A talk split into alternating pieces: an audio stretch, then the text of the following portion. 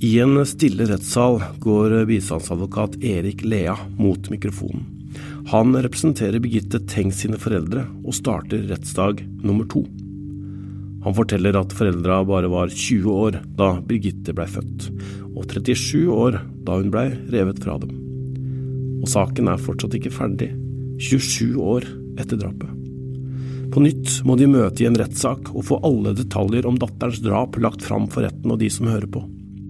Hvem kan stå oppreist gjennom noe sånt, og hvem kan tåle noe slikt, spør bistandsadvokaten. Likevel, de er fast bestemt på å følge datteren gjennom alt. De skal følge Birgitte hele veien. Jeg heter Tor Erling Tømtrud, og dette er Krimpodden i VG.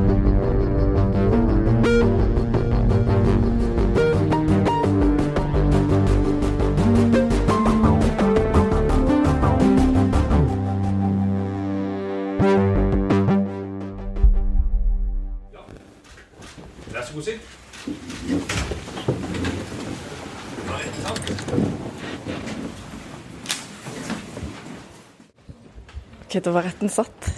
Ja, nå kommer jo da alle sammen inn i salen. Eh, først så kom jo eh, hele aktoratet med papirer og ledninger og PC-er. Og så kom eh, foreldrene til Birgitte inn i salen.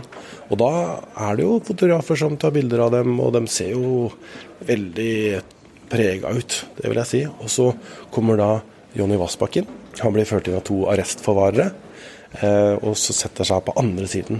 Og på siden der Birgittes foreldre sitter, så er det jo ja, kanskje ti personer som sitter.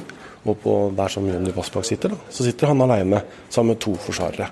Og de foreldrene ser ikke på ham. Eh, og han også sitter der og, og ser eh, ned i pulten. Hjertelig takk nok en gang, ærede rett. Jeg skal bruke 15 minutter av rettens tid Så snart retten er satt, går mannen med det grå, bakovergredde håret og den svarte kappa fram foran dommerne. Han minner de som sitter i rettssal 14 og alle andre som ser på, hva denne saken egentlig handler om.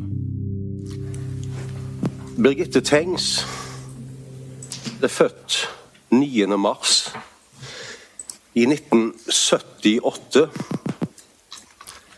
Det betyr at hun i dag hadde vært 44 år og 8 måneder om hun hadde fått leve. Hun ble 17 år fordi hun ble brutalt drept. Ingen tragedie kan være større for foreldre enn å miste et barn. Og oppi alt dette så har de fått kritikk for at de ikke offentlig har gått ut og sagt at de tok feil. En journalist stakk en mikrofon opp i ansiktet mitt og spurte om Karen og Torgeir hadde tenkt å si unnskyld.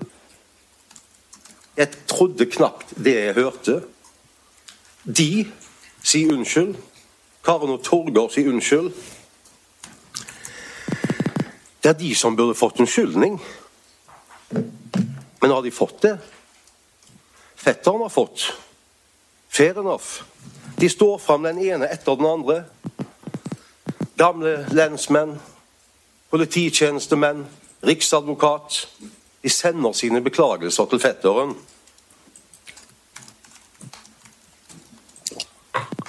Men er det noen som sender tilsvarende beklagelser til Karen og Torgeir? Nei. Da har det aldri vært Karen og Torger som har etterforsket denne saken. Da har det aldri vært Karen og Torger som har vært påtalemyndighet i denne saken og tatt ut tiltaler. Da har det aldri vært Karen og Torger som har avsagt erstatningsdommene. Det er mulig systemet har sviktet, men foreldrene til Birgitte har ikke sviktet. De har levd på kanten av det mulige eller det umulige. Men de har hatt og har et ønske om å få vite hva som skjedde natt til 6. mai i 1995. Og man kan jo spørre seg Domfellelse eller ikke, kommer de noen gang til å få det svaret?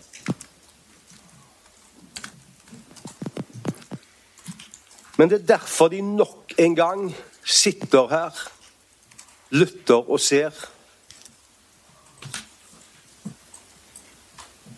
Fordi de har sagt utallige ganger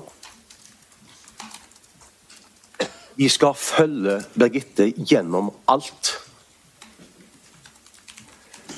De skal følge Birgitte hele veien. Krimpodens reporter Ruth Einevold Nilsen tar en prat med bistandsadvokaten. Jeg eh, lurer aller først på at du kom eh, ned fra foreldrene til eh, Birgitte Tengs nå. Hvordan har de det? Ja, nå har man jo fått lest bl.a. de to dommene fra tidligere. Um, og det er jo sterk lesning, um, selv for oss som bare sitter og, og følger med. Men foreldrene uh, får jo altså det uh, så sterkt at det er nesten et under at de orker å sitte der. Ja, og det var jo en del av ditt poeng da du uh, starta i dag. Altså, kan du utdype hva det var du ville få fram da? Ja, jeg hadde et sterkt behov på vegne av Karen og Torgeir å prøve å forklare retten hvordan de har hatt det nå i 27,5 år. Det er masse tragiske straffesaker, eh, og det går et år og to og tre, og så er de ferdige. Men dette er en sånn never ending story. De får aldri fred. Um, og det hadde jeg lyst til å belyse for dem. Samtidig som det er fryktelig vanskelig for meg å forklare domstolen hvordan mine klienter har det. Og det er vanskelig for selv for mine klienter å forklare hvordan de har det. Det er liksom mangel på ord hvordan dette har vært. Men jeg har nå prøvd å gi retten et bilde av det, og så skal Torgeir forklare seg nærmere om dette senere i dag. Ja, uten at jeg skjønner at du sikkert ikke kan gå inn, inn på det, altså, men, men, kan du si noe generelt om hva, hva er det han skal uttrykke?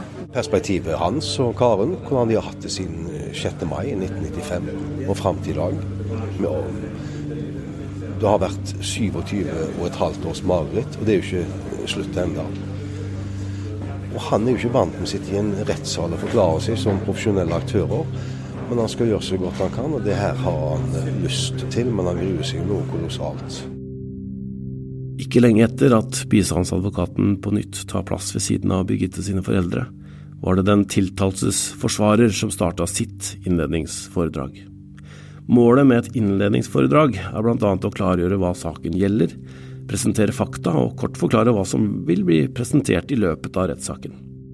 I innledningsforedragene får retten et inntrykk av hva de to partene kommer til å fokusere på i bevisføringa som kommer i rettssaken. Forsvarer Stian Bråstein omtalte rettssaken og anklagene mot sin klient som Vassbakk sin eh, livskamp, men det var særlig DNA-funnet han la vekt på. Forsvaret brukte noe tid på å høvlene dette funnet, og det kommer vi nok til å høre mye om i løpet av denne saken.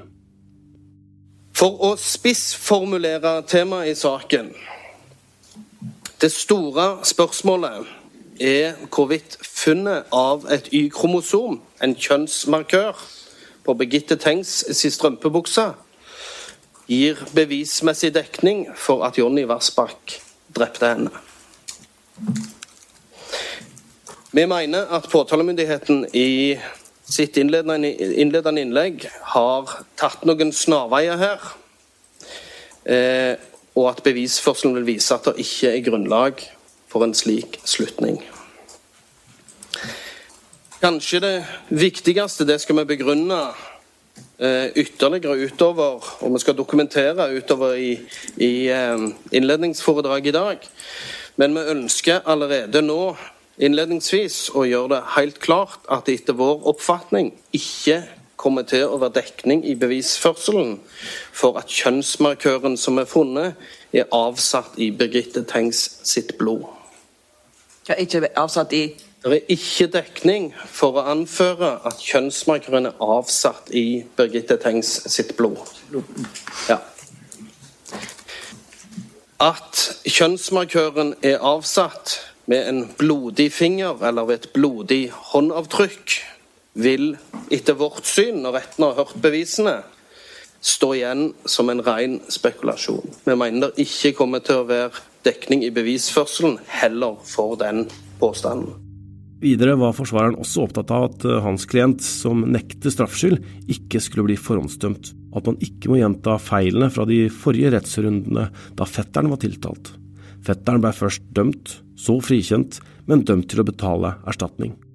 Om eh, medieomtalen det siste året, så eh, Så er det slik at eh, tiltalte opplever at dekningen har vært massiv. Det er ikke spesielt overraskende gitt eh, hva sak det er tale om. Eh, men han opplever òg at han i stor grad er utsatt for forhåndsdømming. Eh, en såkalt kommentator Dette så jeg på, på TV sjøl. Eh, det var på nyhetene når, når, det ble slått opp at det nå forelå tiltale. Så var det en, en ekspertkommentator som uttalte følgende, noenlunde følgende på TV. Eh, nå må i hvert fall påtalemyndigheten være sikre, nå når man har tatt ut tiltaler for andre gang. Resonnementet kan kanskje være forståelig, men etter mitt syn så synliggjør det en eklatant mangel på forståelse av hvorfor vi skal bruke to måneder med bevisførsel for å fremlegge saken i retten. Jeg oppfordrer, eller jeg håper, at rettens medlemmer ikke går inn i denne saken eh, med en, en sånn tanke liggende i bakhodet går inn i det rommet her igjen, Øystein. Fordi her um, er det stille. Her er det stille. Nå har vi hørt um, forsvarerne til uh, Jonny Vassbakk. Mm. Uh, de har brukt hele dagen i dag da, på å gå gjennom uh, forsvaret sitt. Hva var det som liksom er hovedpoengene? Nei, det er jo veldig mye DNA og, og tvil rundt DNA. Uh, Påtalemyndigheten er i oppfatning at dette er et bortimot fellende bevis, et sikkert bevis. Mens forsvarerne bruker ganske mye tid nå på å så tvil. Og de bruker jo eh, Altså, de, de, peker jo på at det er gått mange år. Um, de peker på at det er uklarhet i hvordan denne strømpebuksa er oppbevart. Uh, og har jo pekt på at det kan være mulig at det er oversmitte som gjør at uh, dette DNA Og det er jo ikke noen full DNA-profil. Det er jo, en, det er jo et, et Y-kromosom som med en mutasjon som da påtalemyndigheten mener er, må tilhøre Vassbakk, mer eller mindre helt, helt sikkert. Men, men, som forsvarerne legger ganske mye vekt på at det er usikkerhet rundt. Og det handler jo da, som vi var inne på, om dette med muligheten for oversmitte. Det er jo sånn at eh, Birgitte Tengs og, og Jonny Vassbakk har jo levd i et hvis du tar et litt stort eh, bilde, et lokalsamfunn hvor det er ja, som ikke er så enormt. sånn at man eh, ser jo bl.a. muligheter, eller etter muligheter for at de kan ha hatt noen veiene deres kan ha blitt kryssa, og at dette DNA-sporet, DNA på, på strømpebuksa, kan ha kommet dit enten før eller etter drapene, men altså ikke under det er vel eh, det de har sagt. Ja, Det ble jo ikke lansert noen teori om hvordan det kunne havne der, men de nevnte jo f.eks. at uh, på den tida i 95 så ble det brukt uh, sedler, altså pengesedler, som, som kunne ha DNA, ikke sant? Ja da, de nevnte både sedler og også mynter, penger. og de har jo også vært inne på et, på et brev som har kommet anonymt fra en som angivelig jobber i politiet, eller jobba i politiet på Haugesund Eh, på den, eh, på den tida, og som eh, skriver i det brevet at beslagsrommet var åpent, og at man hadde lite bevissthet rundt dette med si, oversmitte. Og at ja, folk hadde tilgang inn dit, og at det ble stua inn beslag fra flere forskjellige saker. At det var ganske, Sånn som brevskriverne fremstiller det, så var det ganske uryddige forhold med tanke på sporsikring og bevissikring. Og så får vi jo nå sannsynligvis høre i løpet av rettssaken mer om hvilke rutiner man hadde, både der lokalt, på åstedet, hva som skjedde der, og hvordan man sikra bevisene. Og også hvordan Kripos og andre eh, rettsmedisinske institutt som har hatt befatning med bevismaterialet helt fram til nå, eh, hvordan de har behandla det. For det er, jo, det er jo bare dette ene DNA-sporet som har eh, spor etter Jonny Vassbakk i seg. Eh, åstedet er jo stort, og det er ingenting eh, annet fra han på, på eh, Birgitte Tengs sin kropp eller andre steder. da. Nei, og det forsvarerne vel også var innom, er jo at hvis han er skyldig, hvorfor er det ikke flere spor? Eh, det har vært en, en, en voldsom eh, handling hvor Birgitte Tengs er angrepet ute på denne grusveien som vi begge to har vært på, og dratt inn i dette kjerret eller beiteområdet inn, inn noen titalls meter i, vekk fra uh, veien. Um, og det har jo de pekt på at det er et uh, At det er rart at ikke det fins flere spor, hvis det er sånn påtalemyndigheten mener. Og så brukte forsvarerne lang tid i dag på å gå gjennom eh, dommene mot eh, fetteren fra slutten av 90-tallet. Både den fra herredsretten og fra lagmannsretten. Hvorfor det, egentlig? Flere grunner, tror jeg. Eh, og de er nok veldig bevisst på at dette er At dette er veldig følsomt. fordi at de ville ikke lese opp deler av dommen. De tok hele. Så kommer det sikkert til å peke på de delene de er mest interessert i i prosedyren, vil jeg tro. Men de sa jo noe innledningsvis om at de mente det var likhetstrekk mellom fetteren og, og Jonny Vassbakk, i den forstand at begge hadde fått et rykte i lokalsamfunnet. At de hadde foretatt seg handlinger Eh, og så skal jeg si med en gang at det er ganske stor forskjell på de handlingene som Jonny Vassbakk ble dømt for, og det som fetteren ble, hadde gjort og ble beskyldt for. Eh, der er det et klart skille, bare så det er, er helt klart. Eh, men, men, de mente jo at disse var lette å peke på da, som, som mulige gjerningspersoner. Fetteren da, som vi vet, et år, halvannet, to etter drapet.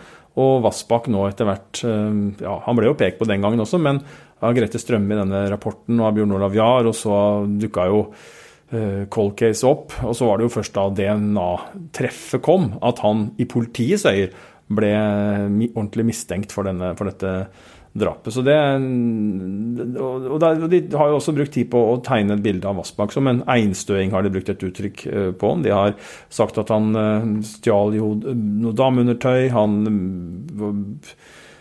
angrep jo psykologen sin. Vi husker jo denne snora som han stramma rundt halsen, og som, ble, som røyk, faktisk, når han stramma til. Dette sykkelpumpeangrepet.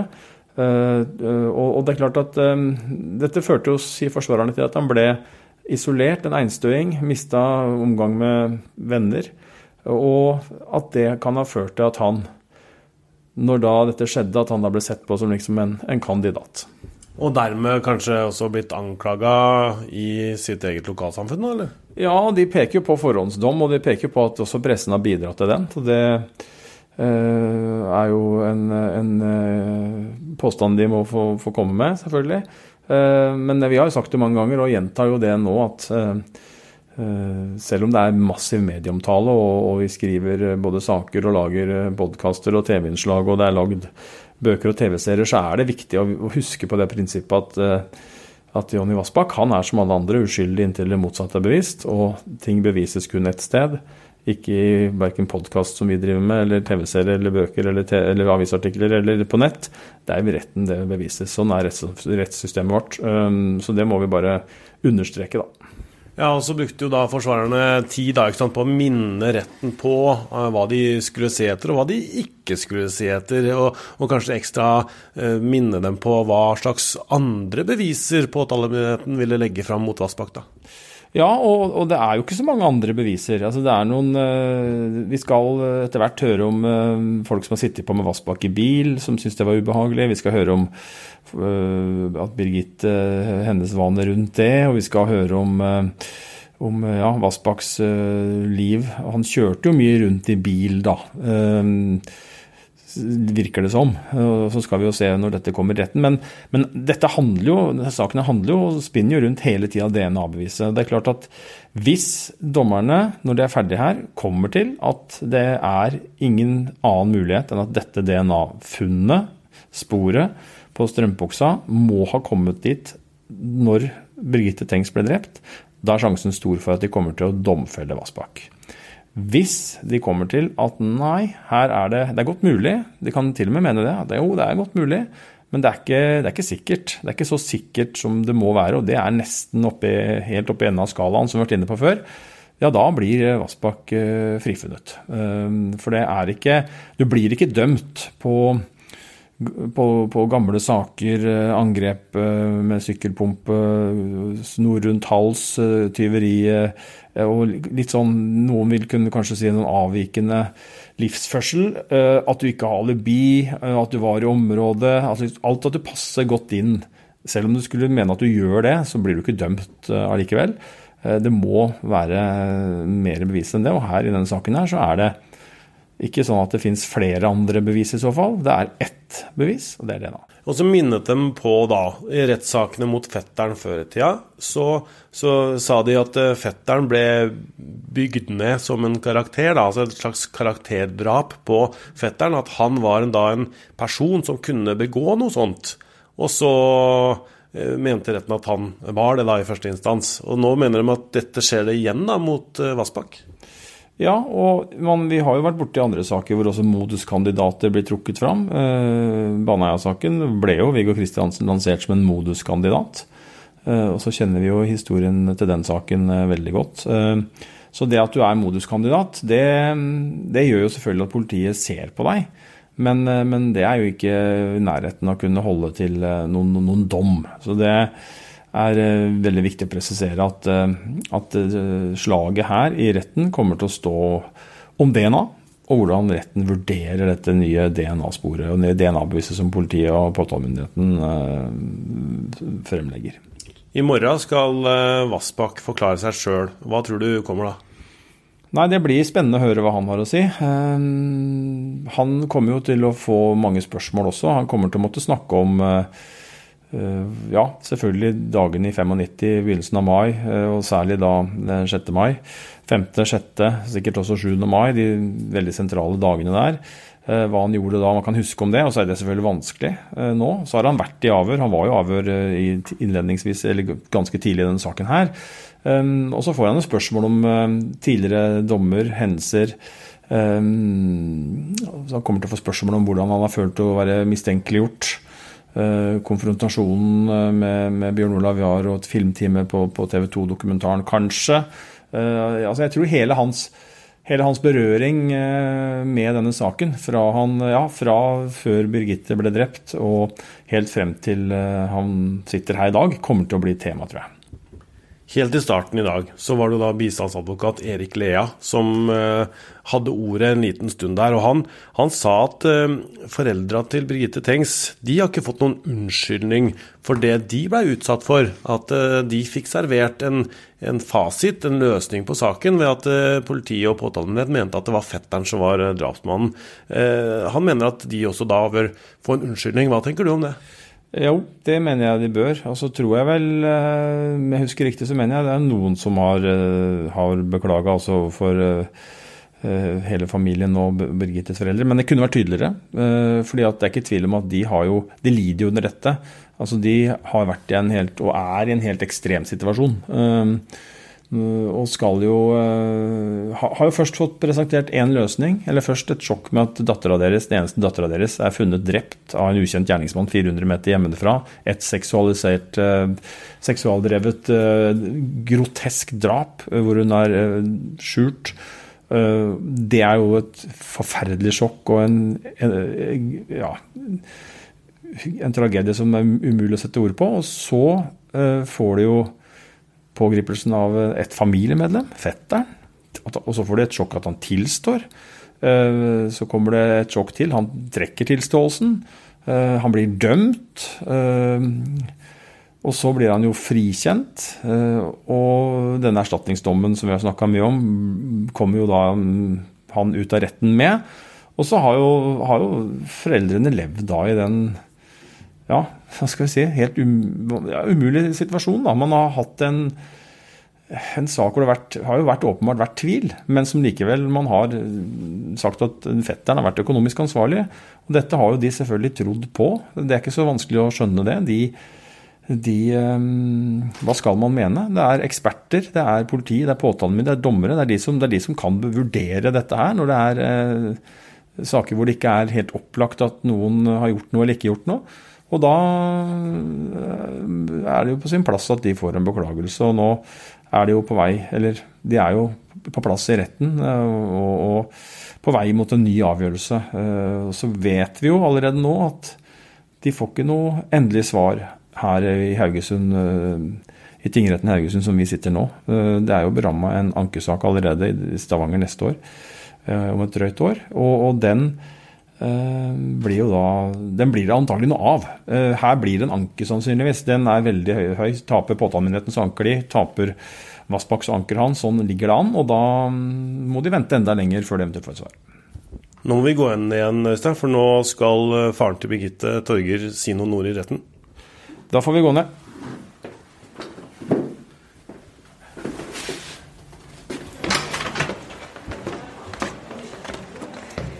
Ok, Erling. Nå får vi sette oss litt ned og, og snakke om hva som nettopp har skjedd.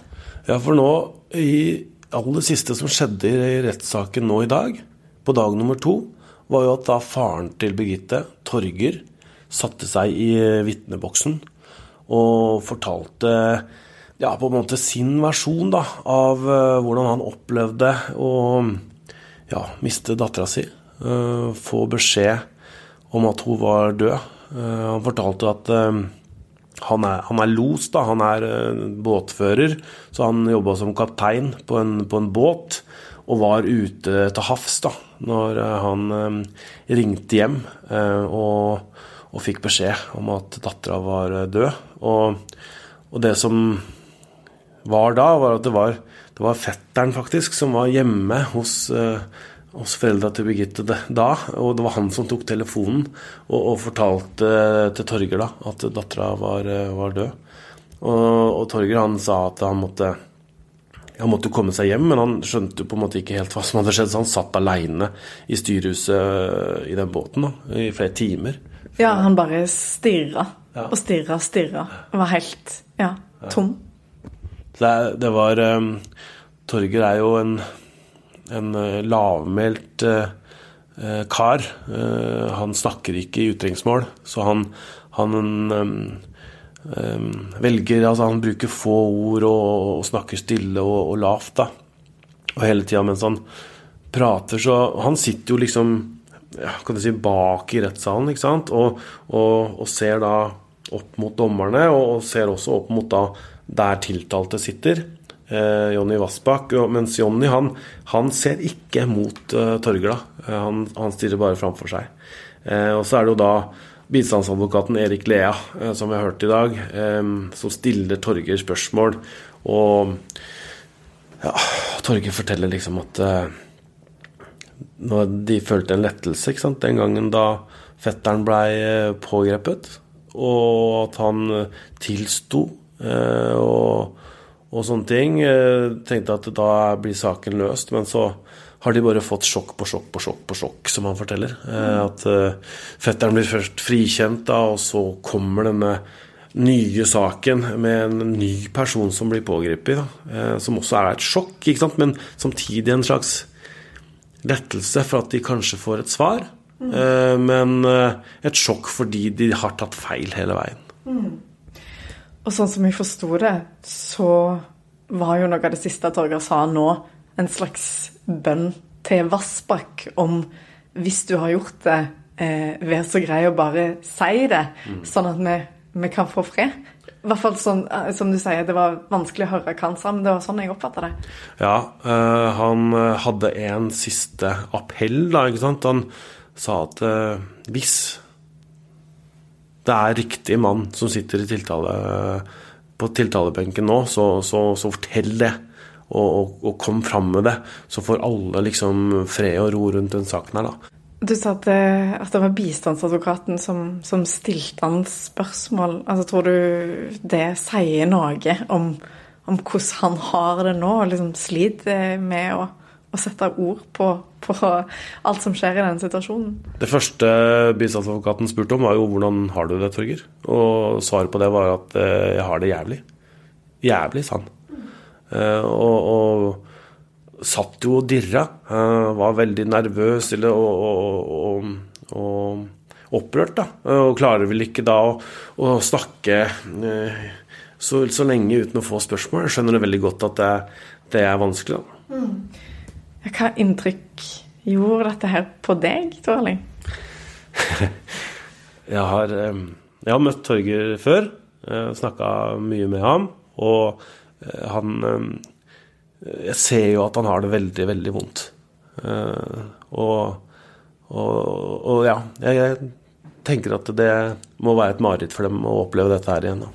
Mm, og så minner det oss jo på en måte på hva denne saken egentlig handler om. Altså, vi ser på rapporter, analyser og tallkoder og alt mulig, men, men det det koker ned til, er jo dette her, egentlig. De har mista sin eneste datter.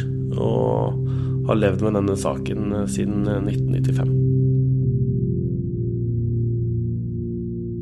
Reporter her i Haugesund er Ruth Einvoll Nilsen. Krimkommentator Øystein Milli og jeg, Tor Erling Tømt Ruud, er her. Produsent for Krimpodden er Vilde Worren, og VG-journalistene Morten Hopperstad, Anne Sofie Mengon Aasgard, Ingrid Bergo, Vilde Ellegåen og Gøran Bolin har bidratt til journalistikken i episoden. Hører du Krimpodden på Podme? så har du kanskje allerede hørt første episode vi har laga om det uløste drapet på Trine Fransen. Hvis du ikke har hørt det, så anbefaler vi å teste ut Podme.